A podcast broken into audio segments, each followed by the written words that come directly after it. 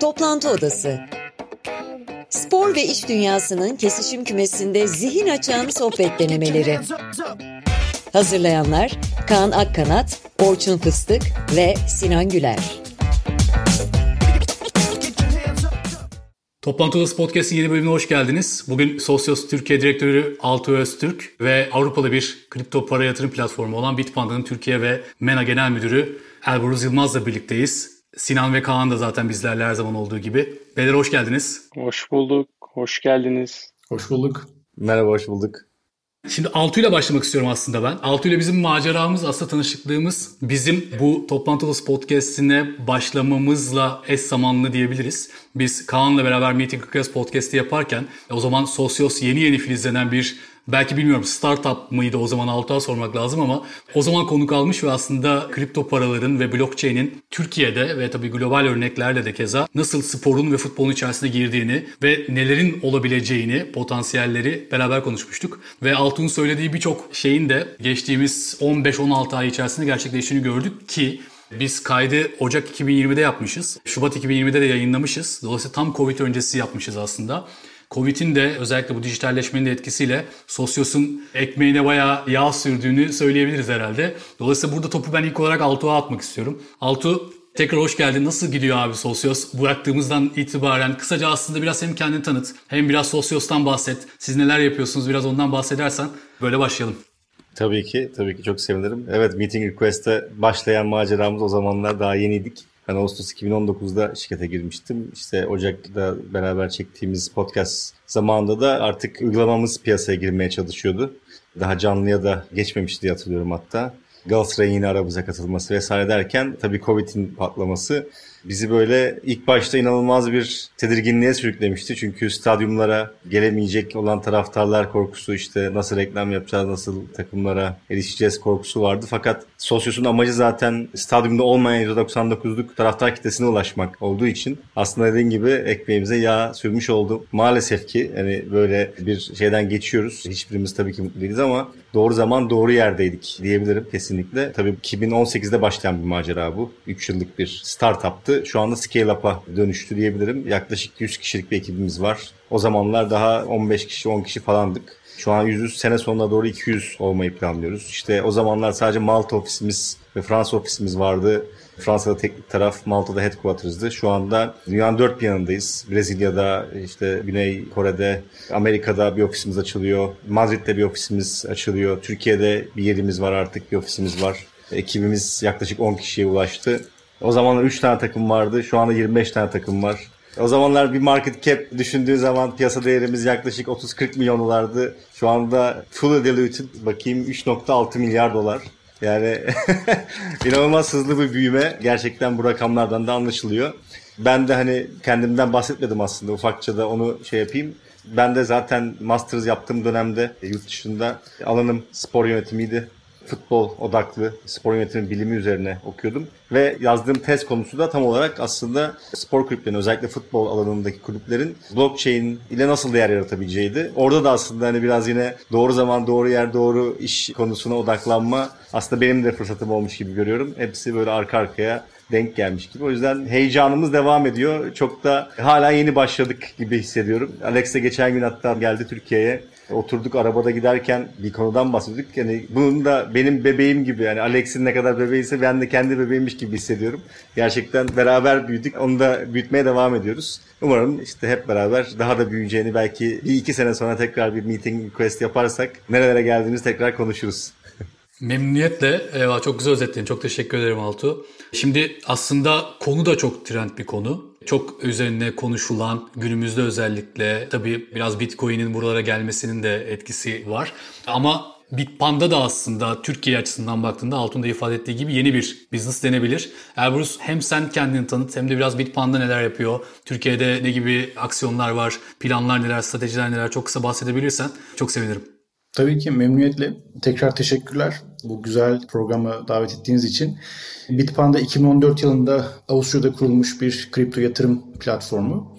2019 yılından itibaren de Avrupa'da genişlemeye devam ediyor. Biz de 2020 Eylül ayında Türkiye pazarına giriş yaptık. Türkiye pazarı enteresan pazar. Altu da çok iyi biliyor. Dünyanın sayılı kripto para pazarlarından bir tanesi. Gerek konuyla ilgili okur yazarlık açısından gerekse işlem hacimleri açısından gerçekten önemli bir pazar. Giderek gelişen bir pazar. Bitpanda'nın da uzun zamandır radarında olan bir pazardı. Kısmet benim Bitpanda'ya katılmamla beraber Türkiye pazarına giriş yapmamızdaymış. Biz ne yapıyoruz? Bitpanda aslında sadece bir kripto para yatırım platformu değil. Şu andaki vizyonumuzda kripto paraların yanı sıra değerli madenler, işte altın, gümüş vesaire ve hisse senetlerini de platformumuzda yatırımcılarımıza sunma arzumuz var. Bunu da sanırım haftaya Avrupa'da açıklayacağız. 20 Nisan'da Avrupa pazarında kesili dediğimiz ya da fractional stocks dediğimiz hisse ürünleri piyasaya çıkacak. Türkiye'de tabii bu ürünlerin piyasaya çıkması için bazı mevzuat ve lisans izinleri almamız gerekiyor. Onları önümüzdeki aylarda almaya çalışacağız ama şu anda Türkiye'deki kullanıcılarımız kripto para işlemlerini yapabiliyorlar platformumuzda. Bizim platformumuzda da son zamanlarda en çok işlem gören kripto paralardan bir tanesi Chiliz. Altu zaten biliyor, temas kendisiyle. Türkiye'de gerçekten fan token alanında ve Chili'de çok büyük bir ilgi var. Biz de bunun etkilerini görüyoruz. Ben de Bitpanda'ya katılmadan önce hani amatör bir kripto para yatırımcısıydım. Hayatımın büyük bir kısmını yatırım fonları yöneterek geçirdim. Viyana'ya da 2015-2016 yılında taşındık. Bitpanda'ya da geçen sene Mayıs ayında girdim. Pandemi sırasında enteresan bir gelişme oldu orada. Kurucularımızı ben birkaç yıldır tanıyordum ve hatta şu andaki CMO'muz da daha önce yatırım yaptığım bir şirketin CMO'suydu. Dolayısıyla tanıdığım insanlarla beraber bir yolculuğa çıktık. İyi oldu. Bitpanda'da şu anda 400 kişi. Geçtiğimiz birkaç hafta önce Peter Thiel'in kurmuş olduğu Valar Ventures'tan 170 milyon dolar yatırım aldık. Ve Avusturya'nın ilk unicornu oldu Bitpanda. Dolayısıyla iyi bir ivmesi var. Doğru yönde ilerliyor. Ben de bir yolculukta elimden geldiğince çorbada birazcık tuzum olsun diye çabalıyorum. Kısaca böyle. Süper. Çok teşekkürler Alvaruz. Fun Token dedim. Ben oradan aslında alacağım. Toplantı Odası Podcast'in ilk bölümünde spor teknolojiyi konuştuk. O bölümde sevgili Ekin Günel Fun Monetization'ın aslında çok önemli bir şey olduğu ve üzerine çok düşünülmesi gereken bir gündem olduğunu söylemişti. Aslında tam olarak Sosyos'ta, Chili'de aslında bunu yapıyor.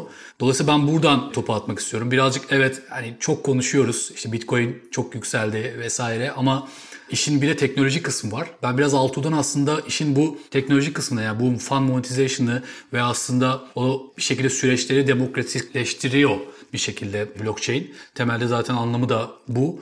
Dolayısıyla burada nerede durduğunu ve bir şekilde taraftarı nasıl işin içine daha fazla dahil ettiğini sormak isterim Altuğ sana.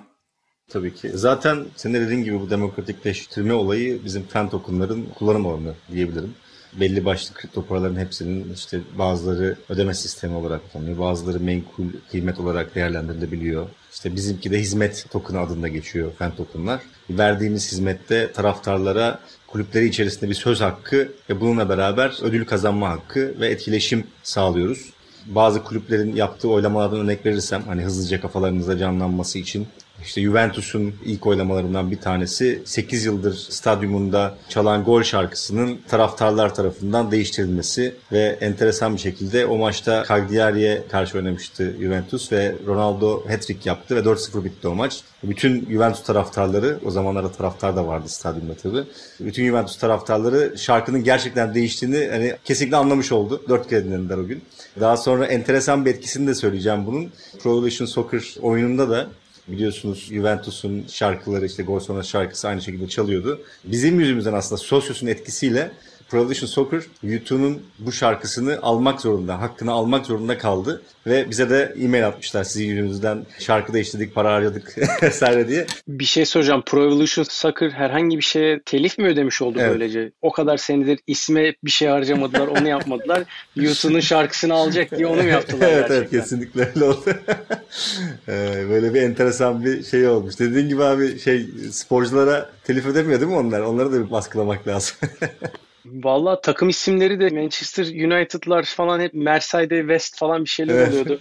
Kırmızı Kırmızılar falan oluyordu. Evet evet öyle bir enteresan bir şey var. Gerçi onlar da işte demek ki profesyonelleşmek zorunda bir yerden sonra.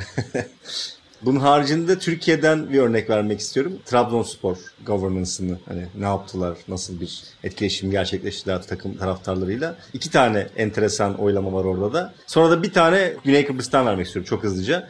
Trabzonspor'da enteresan oylamalardan bir tanesi o zamanlar Eddie Newton'dı. Teknik direktörü sezonun daha başında. Erzurumspor'a karşı bir hazırlık maçı yapmışlardı. Eddie Newton'un sahaya çıkacağı eşofman takımını taraftara seçtirdik. enteresan komik bir oylama oldu ve daha sonrasında Eddie Newton bunu imzalayarak oy kullananlardan bir kişiye hediye etti. Böyle bir etkileşimde bulunduk. Yani daha önce hiç yapılmamış bir şey. Yine Trabzonspor'la işte takım otobüsünün tasarımını yaptık. Juventus'a da benzerini yapmıştık. Çok enteresan ve hayalimizde olan bir farklı oylamada Apollon Limassol takımıyla oldu. Apollon Güney Kıbrıs'ın aslında büyük takımlarından ama dünyanın tabii ufak takımlarından bir tanesi. Toplamda 1 milyon adet token arzı var. Şu anda değeri mesela 25 dolar ama bunun değerinin 25 dolar olması sebeplerinden bir tanesi o zamanlar ilk oylamalardan bir tanesiydi yine bizim platformumuzda. Bir hazırlık maçında Apollon taraftarlarına saha dizilişini ve sahaya çıkacağı ilk 11'i seçtirdi. Ve o maçı da 6-0 kazandı. Böyle enteresan bir veri de var elimizde. Bizim hayalimizde gelecekte Sosyos Kupası düzenleyip bu Sosyos Kupası'nda oyunun kurallarını biraz değiştirip taraftara yine bu sahada zincirisini, işte takımın giyeceği formayı, saha içinde forvette kimin oynayacağı, defansta kimin oynayacağı şeklinde böyle enteresan hayali, şu an için hayali, gelecekte gerçek olması çok muhtemel. Çünkü bazı takımlar hadi gelin bizim stadyumumuzda yapalım, gelin bizim şehrimizde yapalım şeklinde tekliflerle de geliyorlar. Böyle bir hayalimiz var aslında. Demokratikleşmeyi bir sonraki seviyeye çıkartmayı düşünüyoruz. Tabii bunu kesinlikle resmi maçlarda değil, tamamen böyle bir hazırlık turnuvasında planlıyoruz. Hani olmaz olmaz demeyin olma ihtimali de var gözüküyor. Maçtan sonra Limoson'un hocası durdu mu? Koltuğunu kordu mu Altu? Tabii tabii devam ediyor. Zaten şey saha içindeki şeylere karışmadı taraftar. Sadece aslında şöyle hoca iki tane üç tane diziliş belirliyor. İşte 5-3-2 mi oynayayım 4-4-2 mi oynayayım şunu mu yapayım. Hoca seçiyor bunları. Hangisinin takıma uyacağını düşünüyor aslında. Tabii orada sonrasında da Forvet'te mesela iki seçenek veriyor. İşte şu mu oynasın bu mu oynasın. Kalede iki seçenek veriyor. Bu mu oynasın bu mu oynasın gibi. Aslında yine hoca kadrodaki en iyi seçenekleri seçiyor. Taraftar da bu en iyiler arasındaki kendi düşündüğü en iyi seçiyor. Yani hocaya aslında yine de büyük iş düşüyor baktığımız zaman. Enteresan. Peki Altu Şimdi bir tarafından biz de sizinle beraber hikayemiz yaz ortasından itibaren başladı esasında. Bu noktadan beri de benim de takip ettiğim bir sürü konu var ama bugünkü gidişata baktığınızda taraftar etkileşimi yarattığınız ortamda ne kadarı gerçekten o oylamalara kaymış durumda ve ne kadarı şu anda o kripto ve finansal piyasasının içerisinde hareket eden noktada? Çok güzel bir soru sordun. Bunun aslında erken benimseyen kitlesi %100 kriptocular. %100 bunun hani şey yok. Çünkü kriptocu dediğimiz kripto al sat yapan insanların zaten işte kripto paraları benimseyen kitle de bu early adapter kitlesi ve bizim de aslında ön plana çıkmamızın en önemli sebeplerinden biri bu fiyat hareketleri baktığımız zaman. Bu fiyat hareketleri sayesinde aslında biz daha çok duyulmaya başladık. İşte Barcelona token bir maçtan sonra %20 yükseldi. Hop haber oldu. İşte Trabzonspor token 5 dakikada 5 milyon sattı. Hop haber oldu. Yani bunlar olmasaydı bizim tabii ki duyulma şansımız çok daha azdı. Ama şu anda o sorduğun bunun yüzde kaçı oylamalara katılıyor noktasında enteresan da yine bir veri var elimizde. Yüzde 50'sinden fazlası yani token sahiplerinin %50'sinden fazlası oylamalara katılıyor. Ve şöyle bir veri daha var elimizde. Bir fan token alan kullanıcı gidiyor %50'sinden fazlası yine ikinci fan token'ı da alıyor. Üçüncü fan token'ı alanın yüzdesi de %23. Yani orada bir network efekt de var. Yani sen bir Galatasaray taraftarısın. Gidiyorsun ama Trabzonspor token da alıyorsun. Hatta gidiyorsun Barcelona token da almak istiyorsun. Çünkü bir sempati duyuyorsun. Apollon Limassol da alıyorsun. Ben de mesela tabii ki ben şirketin içinde olduğum için hepsinden sahip olmak istedim. Hepsinden onar tane, beşer tane aldım ama hani arkadaşlarım da var. Hepsinden beşer tane, onar tane almış. Böyle bir koleksiyon amaç tutanlar o ileride kim bilir hangi oylamalar yapacaklar, kim bilir neler olacak şeklinde böyle topraktan girelim mantığıyla alan da çok var. Öyle bir durum yani. Altu benim de iki tane sorum var çok merak ettiğim sırasıyla sorayım. Bir tanesi hani pandemi öncesinde takımların en büyük gelirleri maç günü gelirleri. İşte bilet satışı, maç günü satışları vesaire. İnanılmaz bir şok etkisi oldu. Takımların şu anda herhalde çoğu seyircisi oynuyor bütün dünyada galiba çoğunlukla. Bu sizinle yapmış oldukları işbirliklerinden elde gelirle hani maç günü gelirlerine baktığın zaman ne kadarını recover ettiler, ne kadarını geriye kazanabildiler oransal olarak? Güzel bir soru. Maç günü gelirleri bir kulüp için en değerli gelirlerden bir tanesi. En önemli gelir kalemlerinden bir tanesi. Çok büyük zararlara uğradı kulüpler bunun yüzünden. Tabii ki aynı kompanseyi yapamıyorsun fan tokenlarla. Ama şöyle de bir şey var. Ya biz mesela Milan'la yaptığımız Milan Binance listelemesinde o gün 6 milyon dolarlık gelir elde etti AC Milan takımı. Hani bunlar az sayılır rakamlar değil. Tabii ki burada Binance'in de etkisi var. Ayrıca işte ne bileyim farklı borsalarda listelediğimiz zaman oradaki talep artıyor. Mutlaka takımların oradaki gelirleri de bundan etkileniyor. Fakat kesinlikle hiçbir zaman maç günleri gelirleri kadar olamayacak diye düşünüyorum. En azından kısa vadede öyle düşünüyorum. Ancak bir takım olarak baktığımız zaman kendi stadyumun çevresindeki o taraftarları, maçta gelen taraftarlar haricinde kime ne satabiliyor bir takım? Hani en fazla bir forma, tişört vesaire işte online storelar üzerinden satabildiği. Onda yılda bir, iki yılda bir alan taraftar kitlesi var. Ama burada baktığımız zaman fan tokenlar çok cüzi rakamlara dünyanın her yerinden her insana rahatlıkla ulaşabilecek dijital varlıklar olarak ortaya çıkıyor. Şu anda rakamları düşük işte tabii AC Milan için, Barcelona için vesaire çok daha yüksek rakamlar. Çünkü marka değerleri çok daha yüksek. Ama Türkiye'de kulüplerimiz için de halihazırda kayıplarını çok büyük miktarını kapatamasa bile ki bu zaten hani Fentokunlar kulüpleri kurtaramayacak, taraftarları kurtaramayacak ama ekstra bir gelir kapısı olması ben şu anda konuştuğum genel müdürler, kulüplerin işte genel müdürleri olsun, başkanları olsun vesaire bir nefes aldırdığını söylüyorlar. En azından ödemeleri zamanında yapabilmeleri için bazı şeyleri nefes aldırdığını söylüyorlar. İleride tabii bu durum değişebilir. Daha da iyi yerlere gelebilir ama kısa vadede ben en azından o dediğin abi maç günü gelirlerini cover edebileceğini hiç zannetmiyorum. Onlar çok daha farklı. Mutlaka. Orada forma satıyorsun, yemek satıyorsun, bilet satıyorsun. Çok fazla gelir kapısı var yani orada. Mutlaka desteği vardır. Diğer sorum aslında biraz değindin sen fen tokenlarının sahiplerine baktığın zaman hani o şehirde ya da o işte mahallede oturanlardan ziyade yurt dışında olanlar da alıyorlar, kullanıyorlar ya da özlem duyanlar katılmaya çalışıyorlar. Onunla ilgili bir oran var mı? Örneğin Galatasaray token'ın sahipliğine baktığın zaman ne kadarı Türkiye'de, ne kadarı yurt dışında? Tabii çok güzel bir soru daha abi. Yani burada bizim aslında Türkiye'deki kulüplerimizi anlatmaya çalıştığımız şeylerden bir tanesi bu global bir iş kesinlikle yerel bir iş değil. Kesinlikle o çevresinde, o mahallenin dışına çıkabildikleri, hatta mahalleye geçtim Türkiye sınırının dışına rahatlıkla çıkabildikleri bir iş modeli. Çünkü az önce de bahsettiğim o network effect devreye giriyor. Barcelona taraftarı da aynı çatı altında. Apollo Limassol taraftarı da aynı çatı altında. Koreli kullanıcılar da Ronaldo'yu seviyor diye oraya giriyor. Oradan farklı yerlere bakıyor. Mesela Galatasaray'ın taraftar token sahiplerinin %60'ı yurt dışında. Trabzonspor'un %40'ı yurt dışında. Başakşehir'in %50'si yurt dışında. Yani böyle veriler de var elimizde. Baktığımız zaman Barcelona'nın tokenların sahiplik oranının neredeyse %20'si %30'u Türkiye'de. Öyle de bir enteresan veri var. Yani Türkiye çok aktif bu konuda. Ama kesinlikle global bir oyun. Yani mutlaka kulüplerin bu şekilde bakması lazım. Marka değerlerini de bu şekilde arttırabildikleri aslında bir şampiyonlar ligi diyebiliriz. Yani. Elbruz abi benim burada sana bir sorum olacak. Şimdi bir tarafından taraftar tokenların yavaş yavaş farklı piyasalarda isimlerini görmeye başladık. Chiliz'in dışında da taraftar tokenlarını görüyoruz. Hem dijital değerleri hem de değerli madenlerin pazarı olduğunuz bir ortamda spor dünyası da Bitpanda'yı çeken ve onu heyecanlandıran alanlar nedir?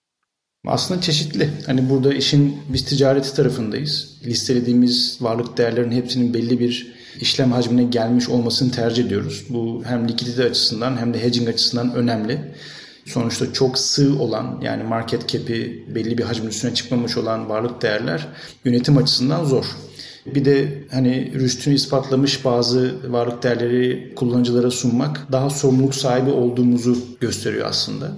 Bu da bizim üzerine durduğumuz konulardan bir tanesi. Sonuçta hani Chiliz, Bitpanda'da da listeli şu anda. Çok yakında da bazı fan tokenları listelemeye başlayacağız. Çünkü onların da market cap'leri oldukça olgun hacimlere geldi.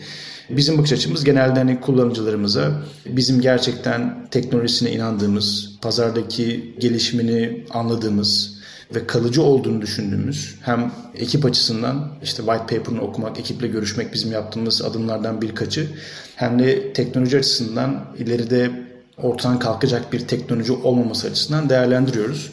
Bununla ilgili skorlamalar yapıp işte aylık kurullarımızda listelemeye karar veriyoruz. Bizim bakış açımız hani sporla eğlence sektörünün bir araya geldiği bir dünya. Altun aslında bahsettiği alan. Burada işte birazdan belki NFT'leri de konuşuruz. İşte maç biletlerinin sahte biletleri satışını engellemek için NFT'ler birebir bir teknoloji aslında. Bizim de bakış açımız belli bir olgunluğa, finansal olgunluğa gelmiş olan varlık değerleri hangi sektörde olursa olsun işte demin Altuğ bahsetti yani utility, hizmet tokenları olabilir bu ya da farklı amaçlar için tokenlar olabilir. Platformumuza sunmaya çalışıyoruz. Bunu yaparken hani tabii ki bir sürü dünyada şu anda 3500'e yakın kripto para borsası var aktif. 10 bine yakın kripto para var. Dolayısıyla bunların arasında hani kullanıcılar hangi kripto para borsasını seçsin ya da hangi kripto para birimini seçsin gerçekten deniz derya çok zor. Bizim de yapmaya çalıştığımız belli kriterlere uygun ölçüp biçip tarttığımız ve değerine inandığımız ve kullanıcılarımıza güvenle sunabileceğimiz şeyleri sunmaya çalışıyoruz. Ama bu alan özellikle sporla kripto paranın bir araya geldiği ya da işte NFT ile sporun bir araya geldiği alanlar bizim radarımızda herkesin olduğu gibi. Ben NFT'leri birazcık ICO'ya benzetiyorum şu anda. Eski ICO zamanında nasıl herkes ICO yaptım falan diye konuşuyordu. Şu anda NFT öyle bir hype'ın içerisinde bence. Kalıcı olduğunu inanıyorum NFT'lerin ama henüz daha doğru mix'i bulamadı bence piyasada. işte sanat tarafı konuşuluyor, spor tarafı var, uygulamaları var. Örneğin her zaman konuşuruz işte sahte üniversite diploması. NFT yapın diplomayı bitsin. Hani bunun sahteciliği de ortadan kalkar, her şey de biter. Daha pratik uygulama alanları var ama şu anda tabii gürültünün koptuğu yer işte dijital bir sanat eserinin nasıl satıldı. Hatta bugün New York borsası borsada ilk listelenme gününün NFT'sini satmaya başladı. Enteresan. Yani hatta Twitter'da görebilirsiniz. Dolayısıyla bir hype var. Bizim de yapmaya çalıştığımız hani hype'ı takip edelim. Çünkü hype'tan sonra bir düzeltme oluyor genelde. O düzeltme olduğunda o silkelenmeden kalan şeyler hani değerler nelerse biz de onlara bet etmeye çalışıyoruz. Uzun cevap oldu. Sinan kusura bakma ama hani burada sporla eğlence ve kripto paranın gerçekten bu decentralized ve convenience yani kullanım kolaylığı alanlarından çok iyi bir eşleşmesi var. Biz de heyecanla takip ediyoruz. Harika. Aslında Elbrus sana sormak üzere olduğum soruyu yanıtladın. Ben bu konudaki kendi görüşlerim bir tarafa. Bu podcast'ı şu an dinleyen ve bu konulara şüpheci yaklaşan insanların da aslında biraz sesi olmamız gerektiğini düşünüyorum. Tartışmanın parçası olarak. Yani bu hype'tan sonra ne olacak? Dediğin gibi sular çekildiğinde, bir düzeltmeye gidildiğinde buradaki önemli olan kriter ne? Bu konuyu açabilirsin hala fakat ben hani ikinci soruya da bağlayayım öyle vereyim sana pası. Türkiye'de kulüplerle çalışılıyor. Bildiğim kadarıyla farklı regülasyonlar üzerinde de çalışılıyor şu an. Bizim geçtiğimiz bölümde de konuştuğumuz üzere NBA şu an NFT'ler ve blockchain uygulamaları üzerinde bir komite oluşturdu. İşte bunun başında franchise başkanları, zaten hali hazırda farklı teknoloji şirketlerinde önemli konumlarda çalışan ya da işte yatırım sermayesi yöneten kişiler var. Buna benzer bir komite, bir konsorsiyum, bir platform var mı Türkiye'de? Kulüplerin, Türk sporunun buradan ne gibi faydalar yaratabileceğine yönelik? Yoksa biraz şimdilik sadece iki kişi arasında geçen konuşmalarla mı ilerliyor? Bu iki konu üzerindeki görüşlerini merak ediyorum. Tabii ki memnuniyetle. Türkiye'de şu anda kripto paralarla ilgili bir düzenleme bulunmuyor. Bununla ilgili çalışmalar çeşitli devlet kurumları, düzenleyici kurumlar tarafından yapılmakta, yapılıyor. Büyük ihtimalle sene sonuna doğru bu konuda bazı taslak düzenlemeler görebileceğimizi umuyorum. Düzenleme neden yapılır? Kullanıcı ya da yatırımcıyı korumak için ve piyasanın oyun kurallarını belirlemek için. Bugün örneğin bakacak olursanız hisse senedine aracılık yapan kurumların çok net bir düzenlemesi vardır. SPK kanununa tabi. Dolayısıyla onlar da şu anda sanırım Türkiye'de 50-60 tane kadar aracı kurum var belli kriterlere uygun olarak güvenli ve şeffaf bir ortamda kullanıcılarına bu ürünleri sunmaya çalışıyorlar. Kripto para konusu kendisi itibariyle decentralized yani merkeziyetsiz bir yapıya sahip olduğu için anonim bir yapısı var aynı zamanda. Özellikle hani Bitcoin çevresinde konuşacak olursak düzenleyici kurumları endişelendiren bir varlık değer birimi. Neden? Bunu zapt rapt altına almak birazcık zor. Sınırları yok. Global. Cüzdanınız bugün cebinizde ya da online bir yerde, cloud'da. Cloud nerede, hangi ülke sınırı içerisinde tartışılır. Dolayısıyla buradaki yaklaşım bazı ülkelerde gördüğümüz gibi özellikle Hindistan'a vesaire baktığınızda daha engelleyici düzenlemeler söz konusu olmaya başlıyor. Diğer ülkelere baktığınızda örneğin Malta ya da Güney Kore'ye baktığınızda daha progresif yani bu sektörün gelişimine öncelik edecek hem vergisel hem hukuki düzenlemeler oluyor. Türkiye'de bence demin de bahsettiğim gibi en önemli pazarlardan bir tanesi. Oldukça genç bir nüfusa sahibiz. Finansal okur yazarlığı yüksek bir nüfusa sahibiz. Makroekonomik anlamda nasıl diyeyim dirençli fakat kırılgan bir ekonomimiz var. Gün be gün hani değişimlere karşı reaksiyon gösteren bir ekonomimiz var. Bu volatilite ortamında hisse senedi ya da diğer değerlerin yanına kripto paraların olması kaçınılmaz. Zaten piyasadaki hacimlerden bunu görüyoruz. O yüzden benim beklentim hani düzenleyici kurumların da bu konuya daha progresif yaklaşmaları yönünde ki ilk ışıklar da o yönde. Bildiğim kadarıyla altı sözü burada sana bırakabilirim. Spor tarafında herhangi bir federasyonun bu konuda hani blok zincir, NFT, işte kripto para ya da sosyos gibi networkler hakkında herhangi bir pozisyonu yok bildiğim kadarıyla. Tabii burada kulüpler birliğinin çalışmaları olabilir. Çünkü Türkiye'deki listelenen kulüplerin sayısı artıyor. Belki ileride olur. Bilmiyorum.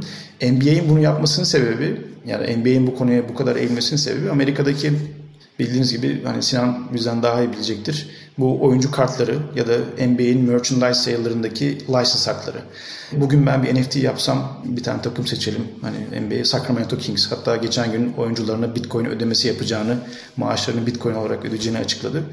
Sacramento Kings'in logosuyla ya da renkleriyle bir NFT yaptınız. NFT aslında size copyright'ın hakkını veren yani tescil hakkını size veren, oluşturan kişiye veren bir teknoloji. Ama kullandığınız logo ve renkler ya da herhangi bir şey başka bir şu anda kanunen korunmuş copyrighted bir şeyi andırıyorsa o zaman ortalık birazcık karışmaya başlıyor. Hatta geçenlerde DC Comics bununla ilgili global bir basın bülteni yayınladı ve dedi ki sevgili NFT'ciler bizim logolarımızı ya da bizim kahramanlarımızı kullanarak yaptığınız bütün NFT'ler bize aittir. Bununla ilgili para kazanamazsınız. Tabii bunun takibi çok zor. Nasıl yapacaklar vesaire bilmiyorum ama herkeste bir panik havası var. Çünkü NFT'ler aslında bir anlamda benim bile şu anda dijital bir sanatçı olabilmemi sağlıyor. O yüzden bence her şeyde olduğu gibi önemli bir davanın olması gerekiyor. Örneğin Amerika'da işte NBA ile bir tane dijital artist mesela Logan diye bir arkadaşımız Amerika'da çok ünlü. Hatta geçen gün yine 69 bin dolara bir tane NFT'sini sattı. Sadece kendisinin tekme atan bir resminin NFT'sini 69 bin dolara sattı kendisi. Alan da var. Büyük ihtimalle bu kişi yakında bir NFT yapacak ve birisinin ayağına basacak. O kişi de dava açacak ve dava sonucundaki Amerika davaların merkezidir böyle konularda. Bakıp göreceğiz düzenleme nasıl geliyor. Benim beklentim o. Ama Türkiye'de hani daha çok işin ticaret tarafındayız. İşte kulüplerin taraftarlarla olan engagement'ı, listelenmesi, para kazanımı vesaire adım adım hani Türkiye bu konuda belki lider bir pazar da olabilir düzenleme konusunda yaratıcı inovatif pazar da olabilir bir sürü iyi girişimcimiz ve fintech şirketimiz var ama adım adım olacaktır bu şeye benzemesin hani bugün örnek vermek gerekirse işte yatırım yapmaya başlıyorum. E, dakika bir bitcoin aldım. Az önce konuşuyorduk. İkinci adım futures'a girdim. Hani çok riskli hareketler bunlar. Bizim adım adım gitmemiz lazım. O yüzden bence bir öğrenme eğrisinde Türkiye. Bakalım hayırlısı. Süper. Sen bu cevabı verirken Altu kafasını salladı iş spor kulüpleri kısmına geldiğinde. Altu biraz istersen kendi deneyimlerinden bahset sonra hemen sonraki kısma geçelim.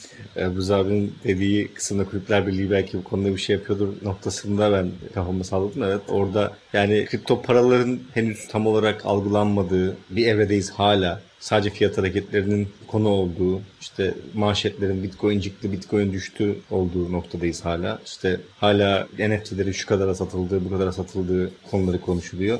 Yani tabii ki bunlar sayesinde zaten bu teknolojiler ön plana çıkıyor. Bunlar sayesinde daha fazla insan tarafından duyuluyor. Ancak duyulduğuyla kalmasını kesinlikle istemiyoruz. Zaten bizim Erbuz abimle beraber içerisinde olduğumuz Fintech Derneği var bir tane. Fintech Türkiye. Biz orada aslında bir şeyler yapmaya çalışıyoruz. Orada aksiyon alıp bir şekilde Türk hukukunu en azından istediğimiz yere doğru itmeye çalışıyoruz diyeyim. Çünkü Bitpanda mesela Avusturya'da lisanslı bir borsa olarak işlem görüyor. Başka nerede vardı? Bir ülkede daha vardı abi. Fransa'da da var ve şu anda da işte Almanya ve Portekiz başvurularımızı da yaptık. İngiltere'de geliyor yakında. Müthiş. Onlar da gelecek. Bizim de bu tecrübeleri aslında sahip bir insan olarak kendisinden faydalanmamız gereken bir insanla buradayız. Beraberiz aslında baktığımızda. Çok önemli bir katkı sağlayabilecek bir noktada. Bizim de tabii aynı şekilde yurt dışında gördüğümüz mesela Malta'da ve Estonya'da işte kripto para exchange lisansı olan Malta'da da yine regülasyonlara uygun şekilde işlem gören bir platformuz. Biz de elimizdeki tecrübeleri aktarma konusunda çok hevesliyiz. Ankara'ya gidip geliyoruz. İşte Fintech Derneği olarak bir plan çıkartıyoruz. Nasıl etki yapabiliriz ülkedeki bu regülasyonlara diye. Mesela geçenlerde Sosyos Türkiye olarak futbol kulüplerine bir kripto para eğitim semineri yapmak için bir flyer yolladık e-mail'le. Enteresandı sadece 3 kulüp geri döndü. Ve o 3 kulüpte zaten bizim hali hazırda içimizde olan, yani bizimle beraber çalışan kulüpler. Yani eğitim konusunda bence çok geriyiz. Hani herkes bir şeyler biliyor ama kimse öğrenmek istemiyor. Nasıl bildiklerini de ben hiç anlamıyorum yani. bir şekilde öğrenmişler. Nerede öğrendiklerini de görmek lazım. Tabii bilmediğin şeyden korkar insan. Yani bilmediğin şey insanı en fazla tedirgin eder. Aslında korkulacak hiçbir şey yok. Gördüğümüz, yaptığımız şeyler de bunun kanıtı. Yani işte Avusturya'sı, Fransa'sı, Portekiz'i, Amerika'sı bu işlerde lisans çıkartabiliyor, başarılı olabiliyorsa bizim de bunları bir şekilde örnek alıp kendi çıkarlarımız doğrultusunda hem ülkedeki kullanıcılar hem girişimler hem yatırımcılar için ve hem de devletin çıkarları doğrultusunda en uygun kazan kazan kazan modelini bulup uygulamamız gerekiyor. Bir şekilde biz tırmalıyoruz. Bakalım geri dönüş nasıl olacak? Az önce Erbiz abi dediği gibi hayırlısı. Global spor performans markası Under Armour'ın sunduğu toplantı odası devam ediyor. Aslında Elbrus biraz NFT'lere giriş yaptı ama az önce altında söylediği gibi herkes her şeyi bilemez tabii ki ve insan bilmediği şeyden korkar. Çok doğru. Dolayısıyla belki dinleyicilerimiz arasında da NFT'nin ne olduğunu bilmeyenler olabilir. Yani artık tabii ki Bitcoin'in kripto paranın ne olduğunu bilmeyen yoktur diye tahmin ediyoruz ya da varsayıyoruz ama NFT'nin belki ne olduğunu ilk ağızdan direkt bu işi yaparak profesyonel hayatını sürdüren sizlerden dinlemek bizim için de öğretici olacaktır. O yüzden Elbrus kısaca aslında NFT nedir, ne işe yarar? Biraz aslında girizgah yaptın ama biraz açarsan çok memnun oluruz. Sonrasında NFT'lerin aslında spor dünyasında nasıl kullanıldığını ve geleceğin ne olduğuna da kısaca değiniriz. Tabii tabii memnuniyetle. NFT de kripto paralar gibi blockchain altyapısını kullanan bir ürün. Protokol değil. Şu anda en yaygın olarak kullanılan aslında Ethereum altyapısında çalışan modeli. NFT'nin İngilizce açılımı Non-Fungible Token yani değiştirilemez token gibi. Burada örnek vermek gerekirse mesela bugün bende bir Bitcoin var. Altu ile bir Bitcoin değiştirdiğimde Onda da bir Bitcoin oluyor ve bende de bir Bitcoin var ama bunlar aynı Bitcoin'ler. Aynı teknolojiye sahip para birimi. NFT'de ise değiştirdiğim zaman örnek verelim. Diyelim bende Mona Lisa'nın orijinal resmi var. Altu'da Monet'in bir orijinal resmi var. Bunları değiştirdiğimizde ikimize birer resim almış oluyoruz ama aynı resim değil. NFT aslında bu anlama geliyor kısaca. Umarım açıklayıcı olmuştur dinleyicilerimiz için. NFT'nin de hani çıkışına baktığınızda bundan birkaç sene önce farklı uygulamalarla özellikle işte bu kedilerin duymuşsunuzdur belki Crypto Kitties diye bir uygulamayla gündeme gelen bir konsept. Şu anda da en büyük bulduğu traction ya da işte ilerleme alanı sanat tarafı. Yani bir benzetme vardır. Eskiden dijital fotoğraf makinesi çıktığı zaman herkes kendini fotoğrafçı sandı. Şu anda da her NFT yapabilen kendini sanatçı sanıyor deniliyor. NFT'nin aslında sağladığı şey otentik bir şekilde üretilen bir şeyin saat, zaman, gün vesaire nasıl bir timestamp kullanırsanız kullanın kim tarafından yaratıldığı ve o kişiye ait olup olmadığını belgesi. Bir copyright dokümanı diyebiliriz aslında ya da bir token diyebiliriz. Burada tabii dijital ortamda başlamayıp fiziksel ortamda sanat yapan insanlar için bir araç. Hani o geçişi yapmak isteyenler. Hani Türkiye'de de zaten bunun birkaç tane güzel uygulamasını gördük. Ama sadece NFT yapmak için NFT yapan bir sürü insan var. Çok da gürültü var. O yüzden NFT teknolojisini sadece sanat ve mevcut hype'la kısıtlamamak lazım. Demin de bahsettiğim gibi NFT'nin altında yatan teknoloji aslında bir üniversite diplomasının orijinalinin saklanması ya da verilmesi. Ehliyet belgesi bile olabilir. Nüfus cüzdanı bile olabilir NFT. Hani devlet tarafından verilen. Çünkü taklit edilmesi blok zincir teknolojisi sayesinde imkansız hale gelen ve bir tane üretilebilen bir ürün. Tabii NFT'ler de hack edilebilir, çalınabilir, el değiştirebilir. Buna dikkat etmek lazım. O ayrı bir konu. Ama NFT'nin kendi, üretilen NFT'nin kendisinin içeriğine baktığınızda onunla oynanamıyor. Blok zincir network üzerinde olduğu için.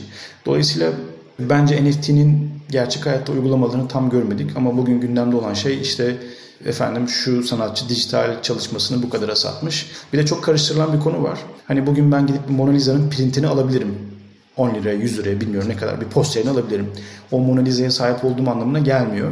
NFT'ler de böyle. NFT'nin kendisine sahip olabilirsiniz ama Twitter'da ben bunu aldım diye paylaştığınızda ekran görüntüsünü birisi alabilir, videosunu kaydedebilir. Eğer bir şarkı ise onu indirebilir. Kopyasına sahip oluyor insanlar. Dolayısıyla burada daha çok sanat koleksiyoncularının ilgisini çekiyor yüksek fiyatlı NFT'ler. Çünkü ondan bir tane var ve onun sahibi benim şeklinde. Ama tabii burada dijital ortamda bunun kopyasının çok erişmek kolay olduğu için bir yandan da insanlar acaba ya bu kadar eder mi? Gerçekten bu değeri var mı diye şey yapıyor. Ben sanattan pek anlayan bir insan değilim. Hani bugün benim önüme işte bu screen meşhur tabloyu koysanız 110 milyon euroya ya da pound'a satıl deseniz tartamam. Hani neden bu değer biçildi diye. Ama bilenim ve o sanattan anlayan birisinin biçtiği bir değer var. Bilmiyorum faydası oldu mu Orçun ama hani kısaca NFT'ler böyle benim açımdan. Esasında geçtiğimiz haftalarda da bu NFT dünyasındaki olan biteni keşfetmeye çalışırken Sokrates'in de birçok illüstrasyonunu yapan Ethem'in bu dünyadaki ilk ürünlerinden bir tanesini alma fırsatı yakaladım. Onunla beraber de bu süreci biraz daha takip etmeye başladım ve incelemeye başladım. Senin dediğin alanlarda çok büyük fırsatları olacak. Spor dünyasındaki insanlarla konuşuyorum. Sen az önce kendin bahsettin. Yani maç biletinin NFT olması aslında kulüp tarafından yaratılması adına çok önemli bir hal getirecek. Bu teknolojiyi doğru şekilde tanımlandırdığında. Bir de esasında baktığında sporcunun veya sanatçının herhangi bir alandaki sanatçının onu izleyenle, onu beğenenle, taraftarıyla kuracağı iletişimi de çok daha kuvvetlendirecek bir ortama geliyor. Geçtiğimiz programda da bunun konuşmasını yaptık. Belirli sporcular, tabii ki de elitin eliti, süper elit sporcular artık kulüplerinin önüne geçmiş durumdalar. Bugün işte Ronaldo bir takımdan diğerine transfer olduğunda peşinde 150 milyon taraftarla beraber geliyor muhtemelen. Ve şeyi bile değiştiriyor yani şehrin bütün dinamini değiştiriyor. LeBron James gene örneğinden gideceğim. Yani Cleveland'a geri dönüşündeki restoran ziyaretinin artışı ve Cleveland'dan Lakers'a geldiğindeki dramatik azalışı inanılmaz bir etki yaratıyor. Gerçekten böyle tsunami etkisiyle uzaklaşıyorlarmış gibi. Bu noktada esasında bir tarafından dokunduğun halde şeyi de merak etmiyor değilim. Ben NFT yarattım. Dört tane kopyasını çıkardım. Dördünüzü de birer tane aldınız onun devamlılığını sağlayacak. Ben ondan sonra mesela bir tane daha aynı NFT'yi yarattığımda hem aynı olmayacaklar çünkü farklı token'a işlendiğinden dolayı bu teknolojik olarak en azından böyle. Ama aynı zamanda aynı şeyi farklı bir fiyata yaratmaya başlayacağım ve belki de ben bir şekilde size de sattığım ürünün fiyatını kontrol etmeye çalışıyor olacağım gibi bir şey geliyor aklıma. Buradaki problematik dünyalar zamanla öğreneceğimiz şeyler oturduğu zaman piyasada öğreneceğimiz şeyler ama bu konuda ikinizin de söyleyeceği bir şeyler var mı merak etmiyor değilim.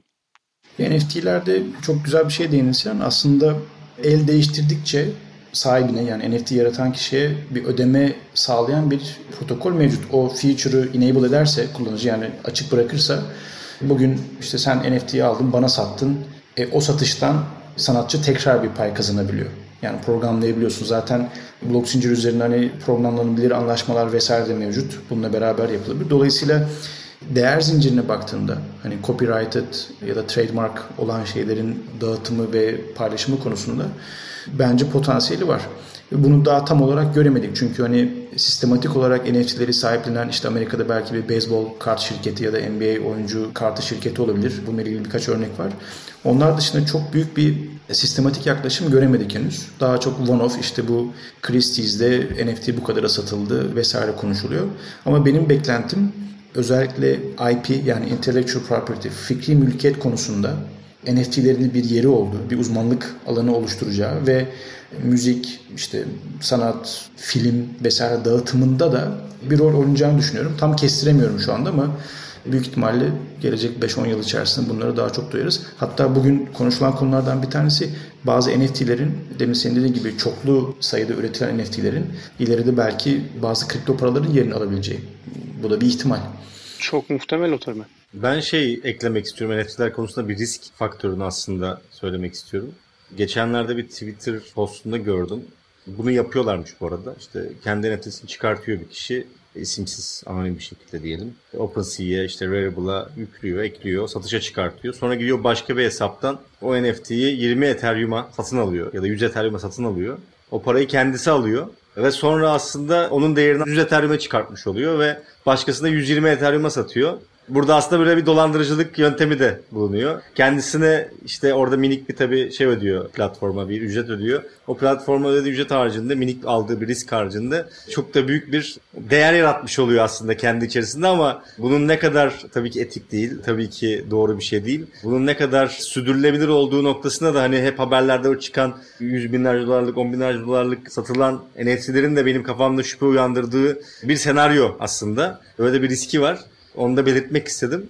Onun haricinde de New York Stock Exchange'in bir NFT haberi çıkmış. Minik de onunla paylaşayım istedim. New York Stock Exchange'de listelenen şirketlerin ilk trade'lerini NFT'ye dönüştüreceklermiş artık. İşte Spotify, Snowflake, DoorDash, Coupon, Roblox ve Unity 3D şirketleriyle başlıyorlarmış. Böyle de enteresan bir bilgi hoşuma gitti paylaşmak istedim sizinle de.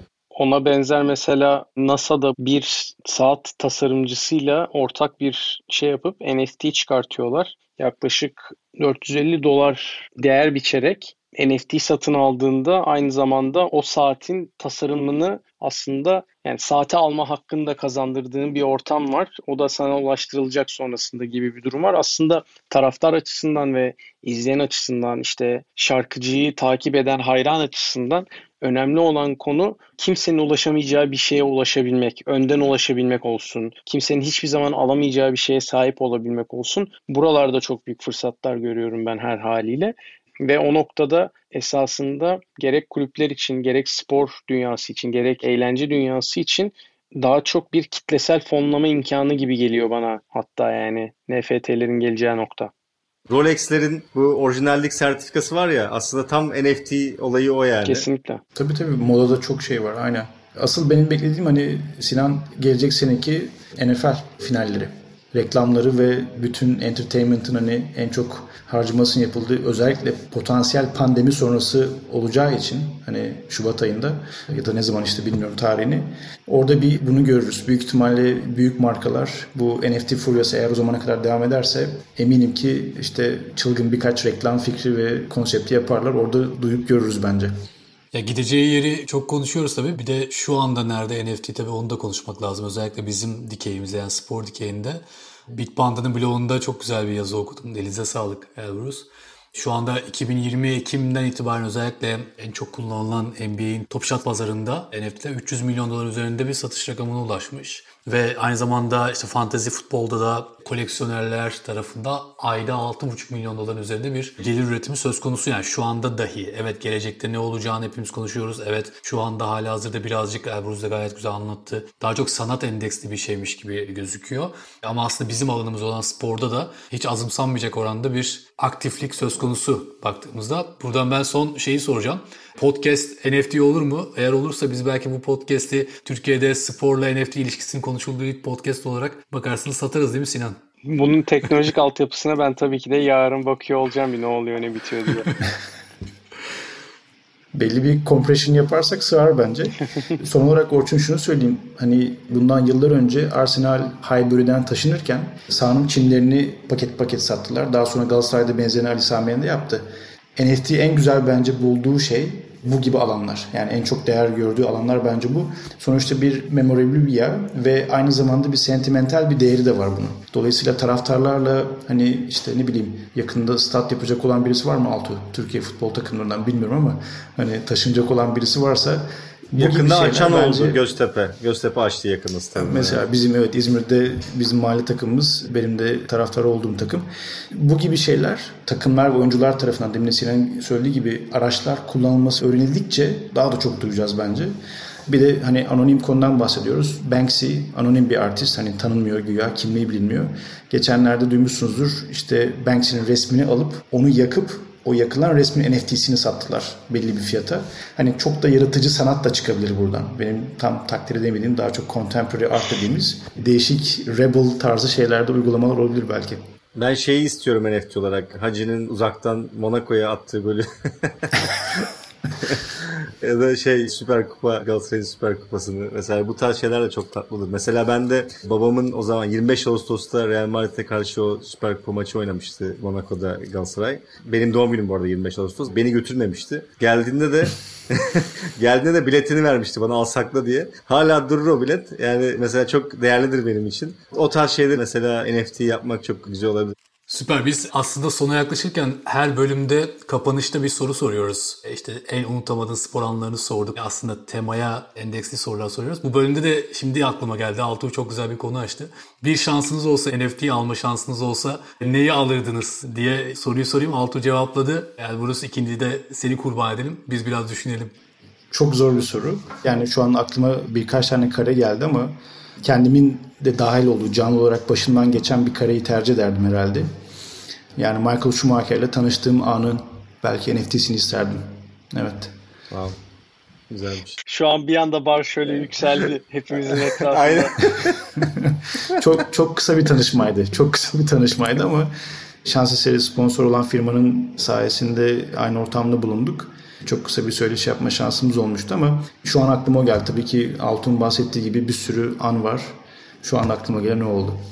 Fotoğraf var mı Elbrus o andan? Var ama çok düşük çözünürlükte ve hani Kodak filme basılı ufak bir fotoğraf. O yüzden çok kaliteli değil maalesef. Ama var bir tane evet. Güzel. Sinan?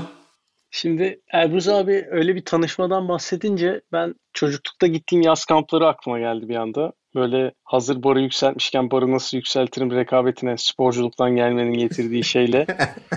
Yani böyle işte benim Michael Jordan kamplarına gittiğim zamandan imzaladığım bir şeyin NFT'si olsa güzel olurmuş gibi geldi. Oynadığım andan düşünecek olursam da gene Elbuz abiye biraz şey olacak böyle ben spor sergide benim yaş grubumda 83 doğumlarda muhtemelen tek maça çıkmış sporcuyum. Onda da abimlerin minikler şöleninde İTÜ Eczacıbaşı maçında oynamıştım. Abimler İTÜ'de oynuyordu. Ben de takımda 10. adam olarak böyle amigo şeklinde, maskot şeklinde çıkmıştım sahaya. O maçta attığım sayının topunun NFT'si olsa çok güzel olur gibi geldi. Wow. Güzelmiş. Evet. Güzel. Kaan'cığım işimiz zor. ben tamamen taraftar perspektifinden yaklaşacağım. Ben de hani biraz geçmişe gitmiş olayım. Galatasaray Kadın Basketbol takımının Kras Basket Toronto maçı Ayan Şahink'te. Yanlışım varsa Sinan beni düzeltebilir fakat Koraç Kupası'ndan sonraki dönemde aslında Türk kulüplerinin basketbolda aldığı ilk kupaydı. Evet. Bir ayılışın, bir gelişimin ilk taşıydı. Ben de hiç unutmuyorum yani hani okuluma da çok yakın olduğu için çok keyifli bir günün sonunda gitmiştim. O günün sonunda çekilen fotoğraflarda da hep böyle kendimi bulurum. Ayan Şahin de çok minimal bir salon olmasından dolayı. O fotoğraflardan bir tanesinin NFT'si olabilir. Çok güzel. Güzel. Son bana kaldı. Ben biraz daha yapılmış bir örnek üzerinden gideceğim. Jack Dorsey işte kendi Twitter'ımı açıyorum diye tweetini NFT yapıp satmış ya. Gerçi işte Elbruz'un söylediği o muamma burada da var. Şimdi birisi söyledi ya bir yerde okudum ve hakikaten komik. Yani Jack Dorsey o tweet'i silse şu anda ne olacak? Hani o NFT'nin değeri. Hep bu soru işareti var ama ben de aslında Kaan gibi biraz taraftarlıktan yola çıkacağım ve yine bir tweet diyeceğim. Fatih Terim'in nerede kalmıştık tweetini ben de herhalde NFT olarak almak isterdim. Güzel. çok Onun tarihlisi de çok olur.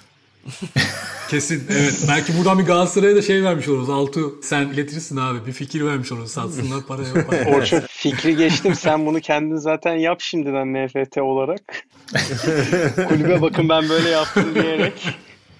Okey abi o zaman bütün bunların üzerine yatırım tavsiyesi değildir. Diyerekten podcast'ın sonuna gelelim. Ağzınıza sağlık. Çok teşekkürler Altu, Elbrus. Keyif verdiniz, tat verdiniz. Davetiniz için teşekkür ederim. Çok güzeldi gerçekten. Biz teşekkür ederiz. Çok keyifli oldu. Görüşmek üzere. Kendinize iyi bakın. Hoşçakalın. Bizi dinlediğiniz için teşekkürler. Global spor performans markası Under Armour'ın sunduğu toplantı odasının sonuna geldik. Podcast yetmedi, ben sizi daha çok takip etmek istiyorum derseniz LinkedIn ve Twitter sayfalarımızdan bizlere ulaşabilirsiniz. Giriş seslendirme Başak Koç, kurgu ve düzenleme için tüm Sokrates ekibine teşekkürler. Bir sonraki bölümde görüşmek üzere.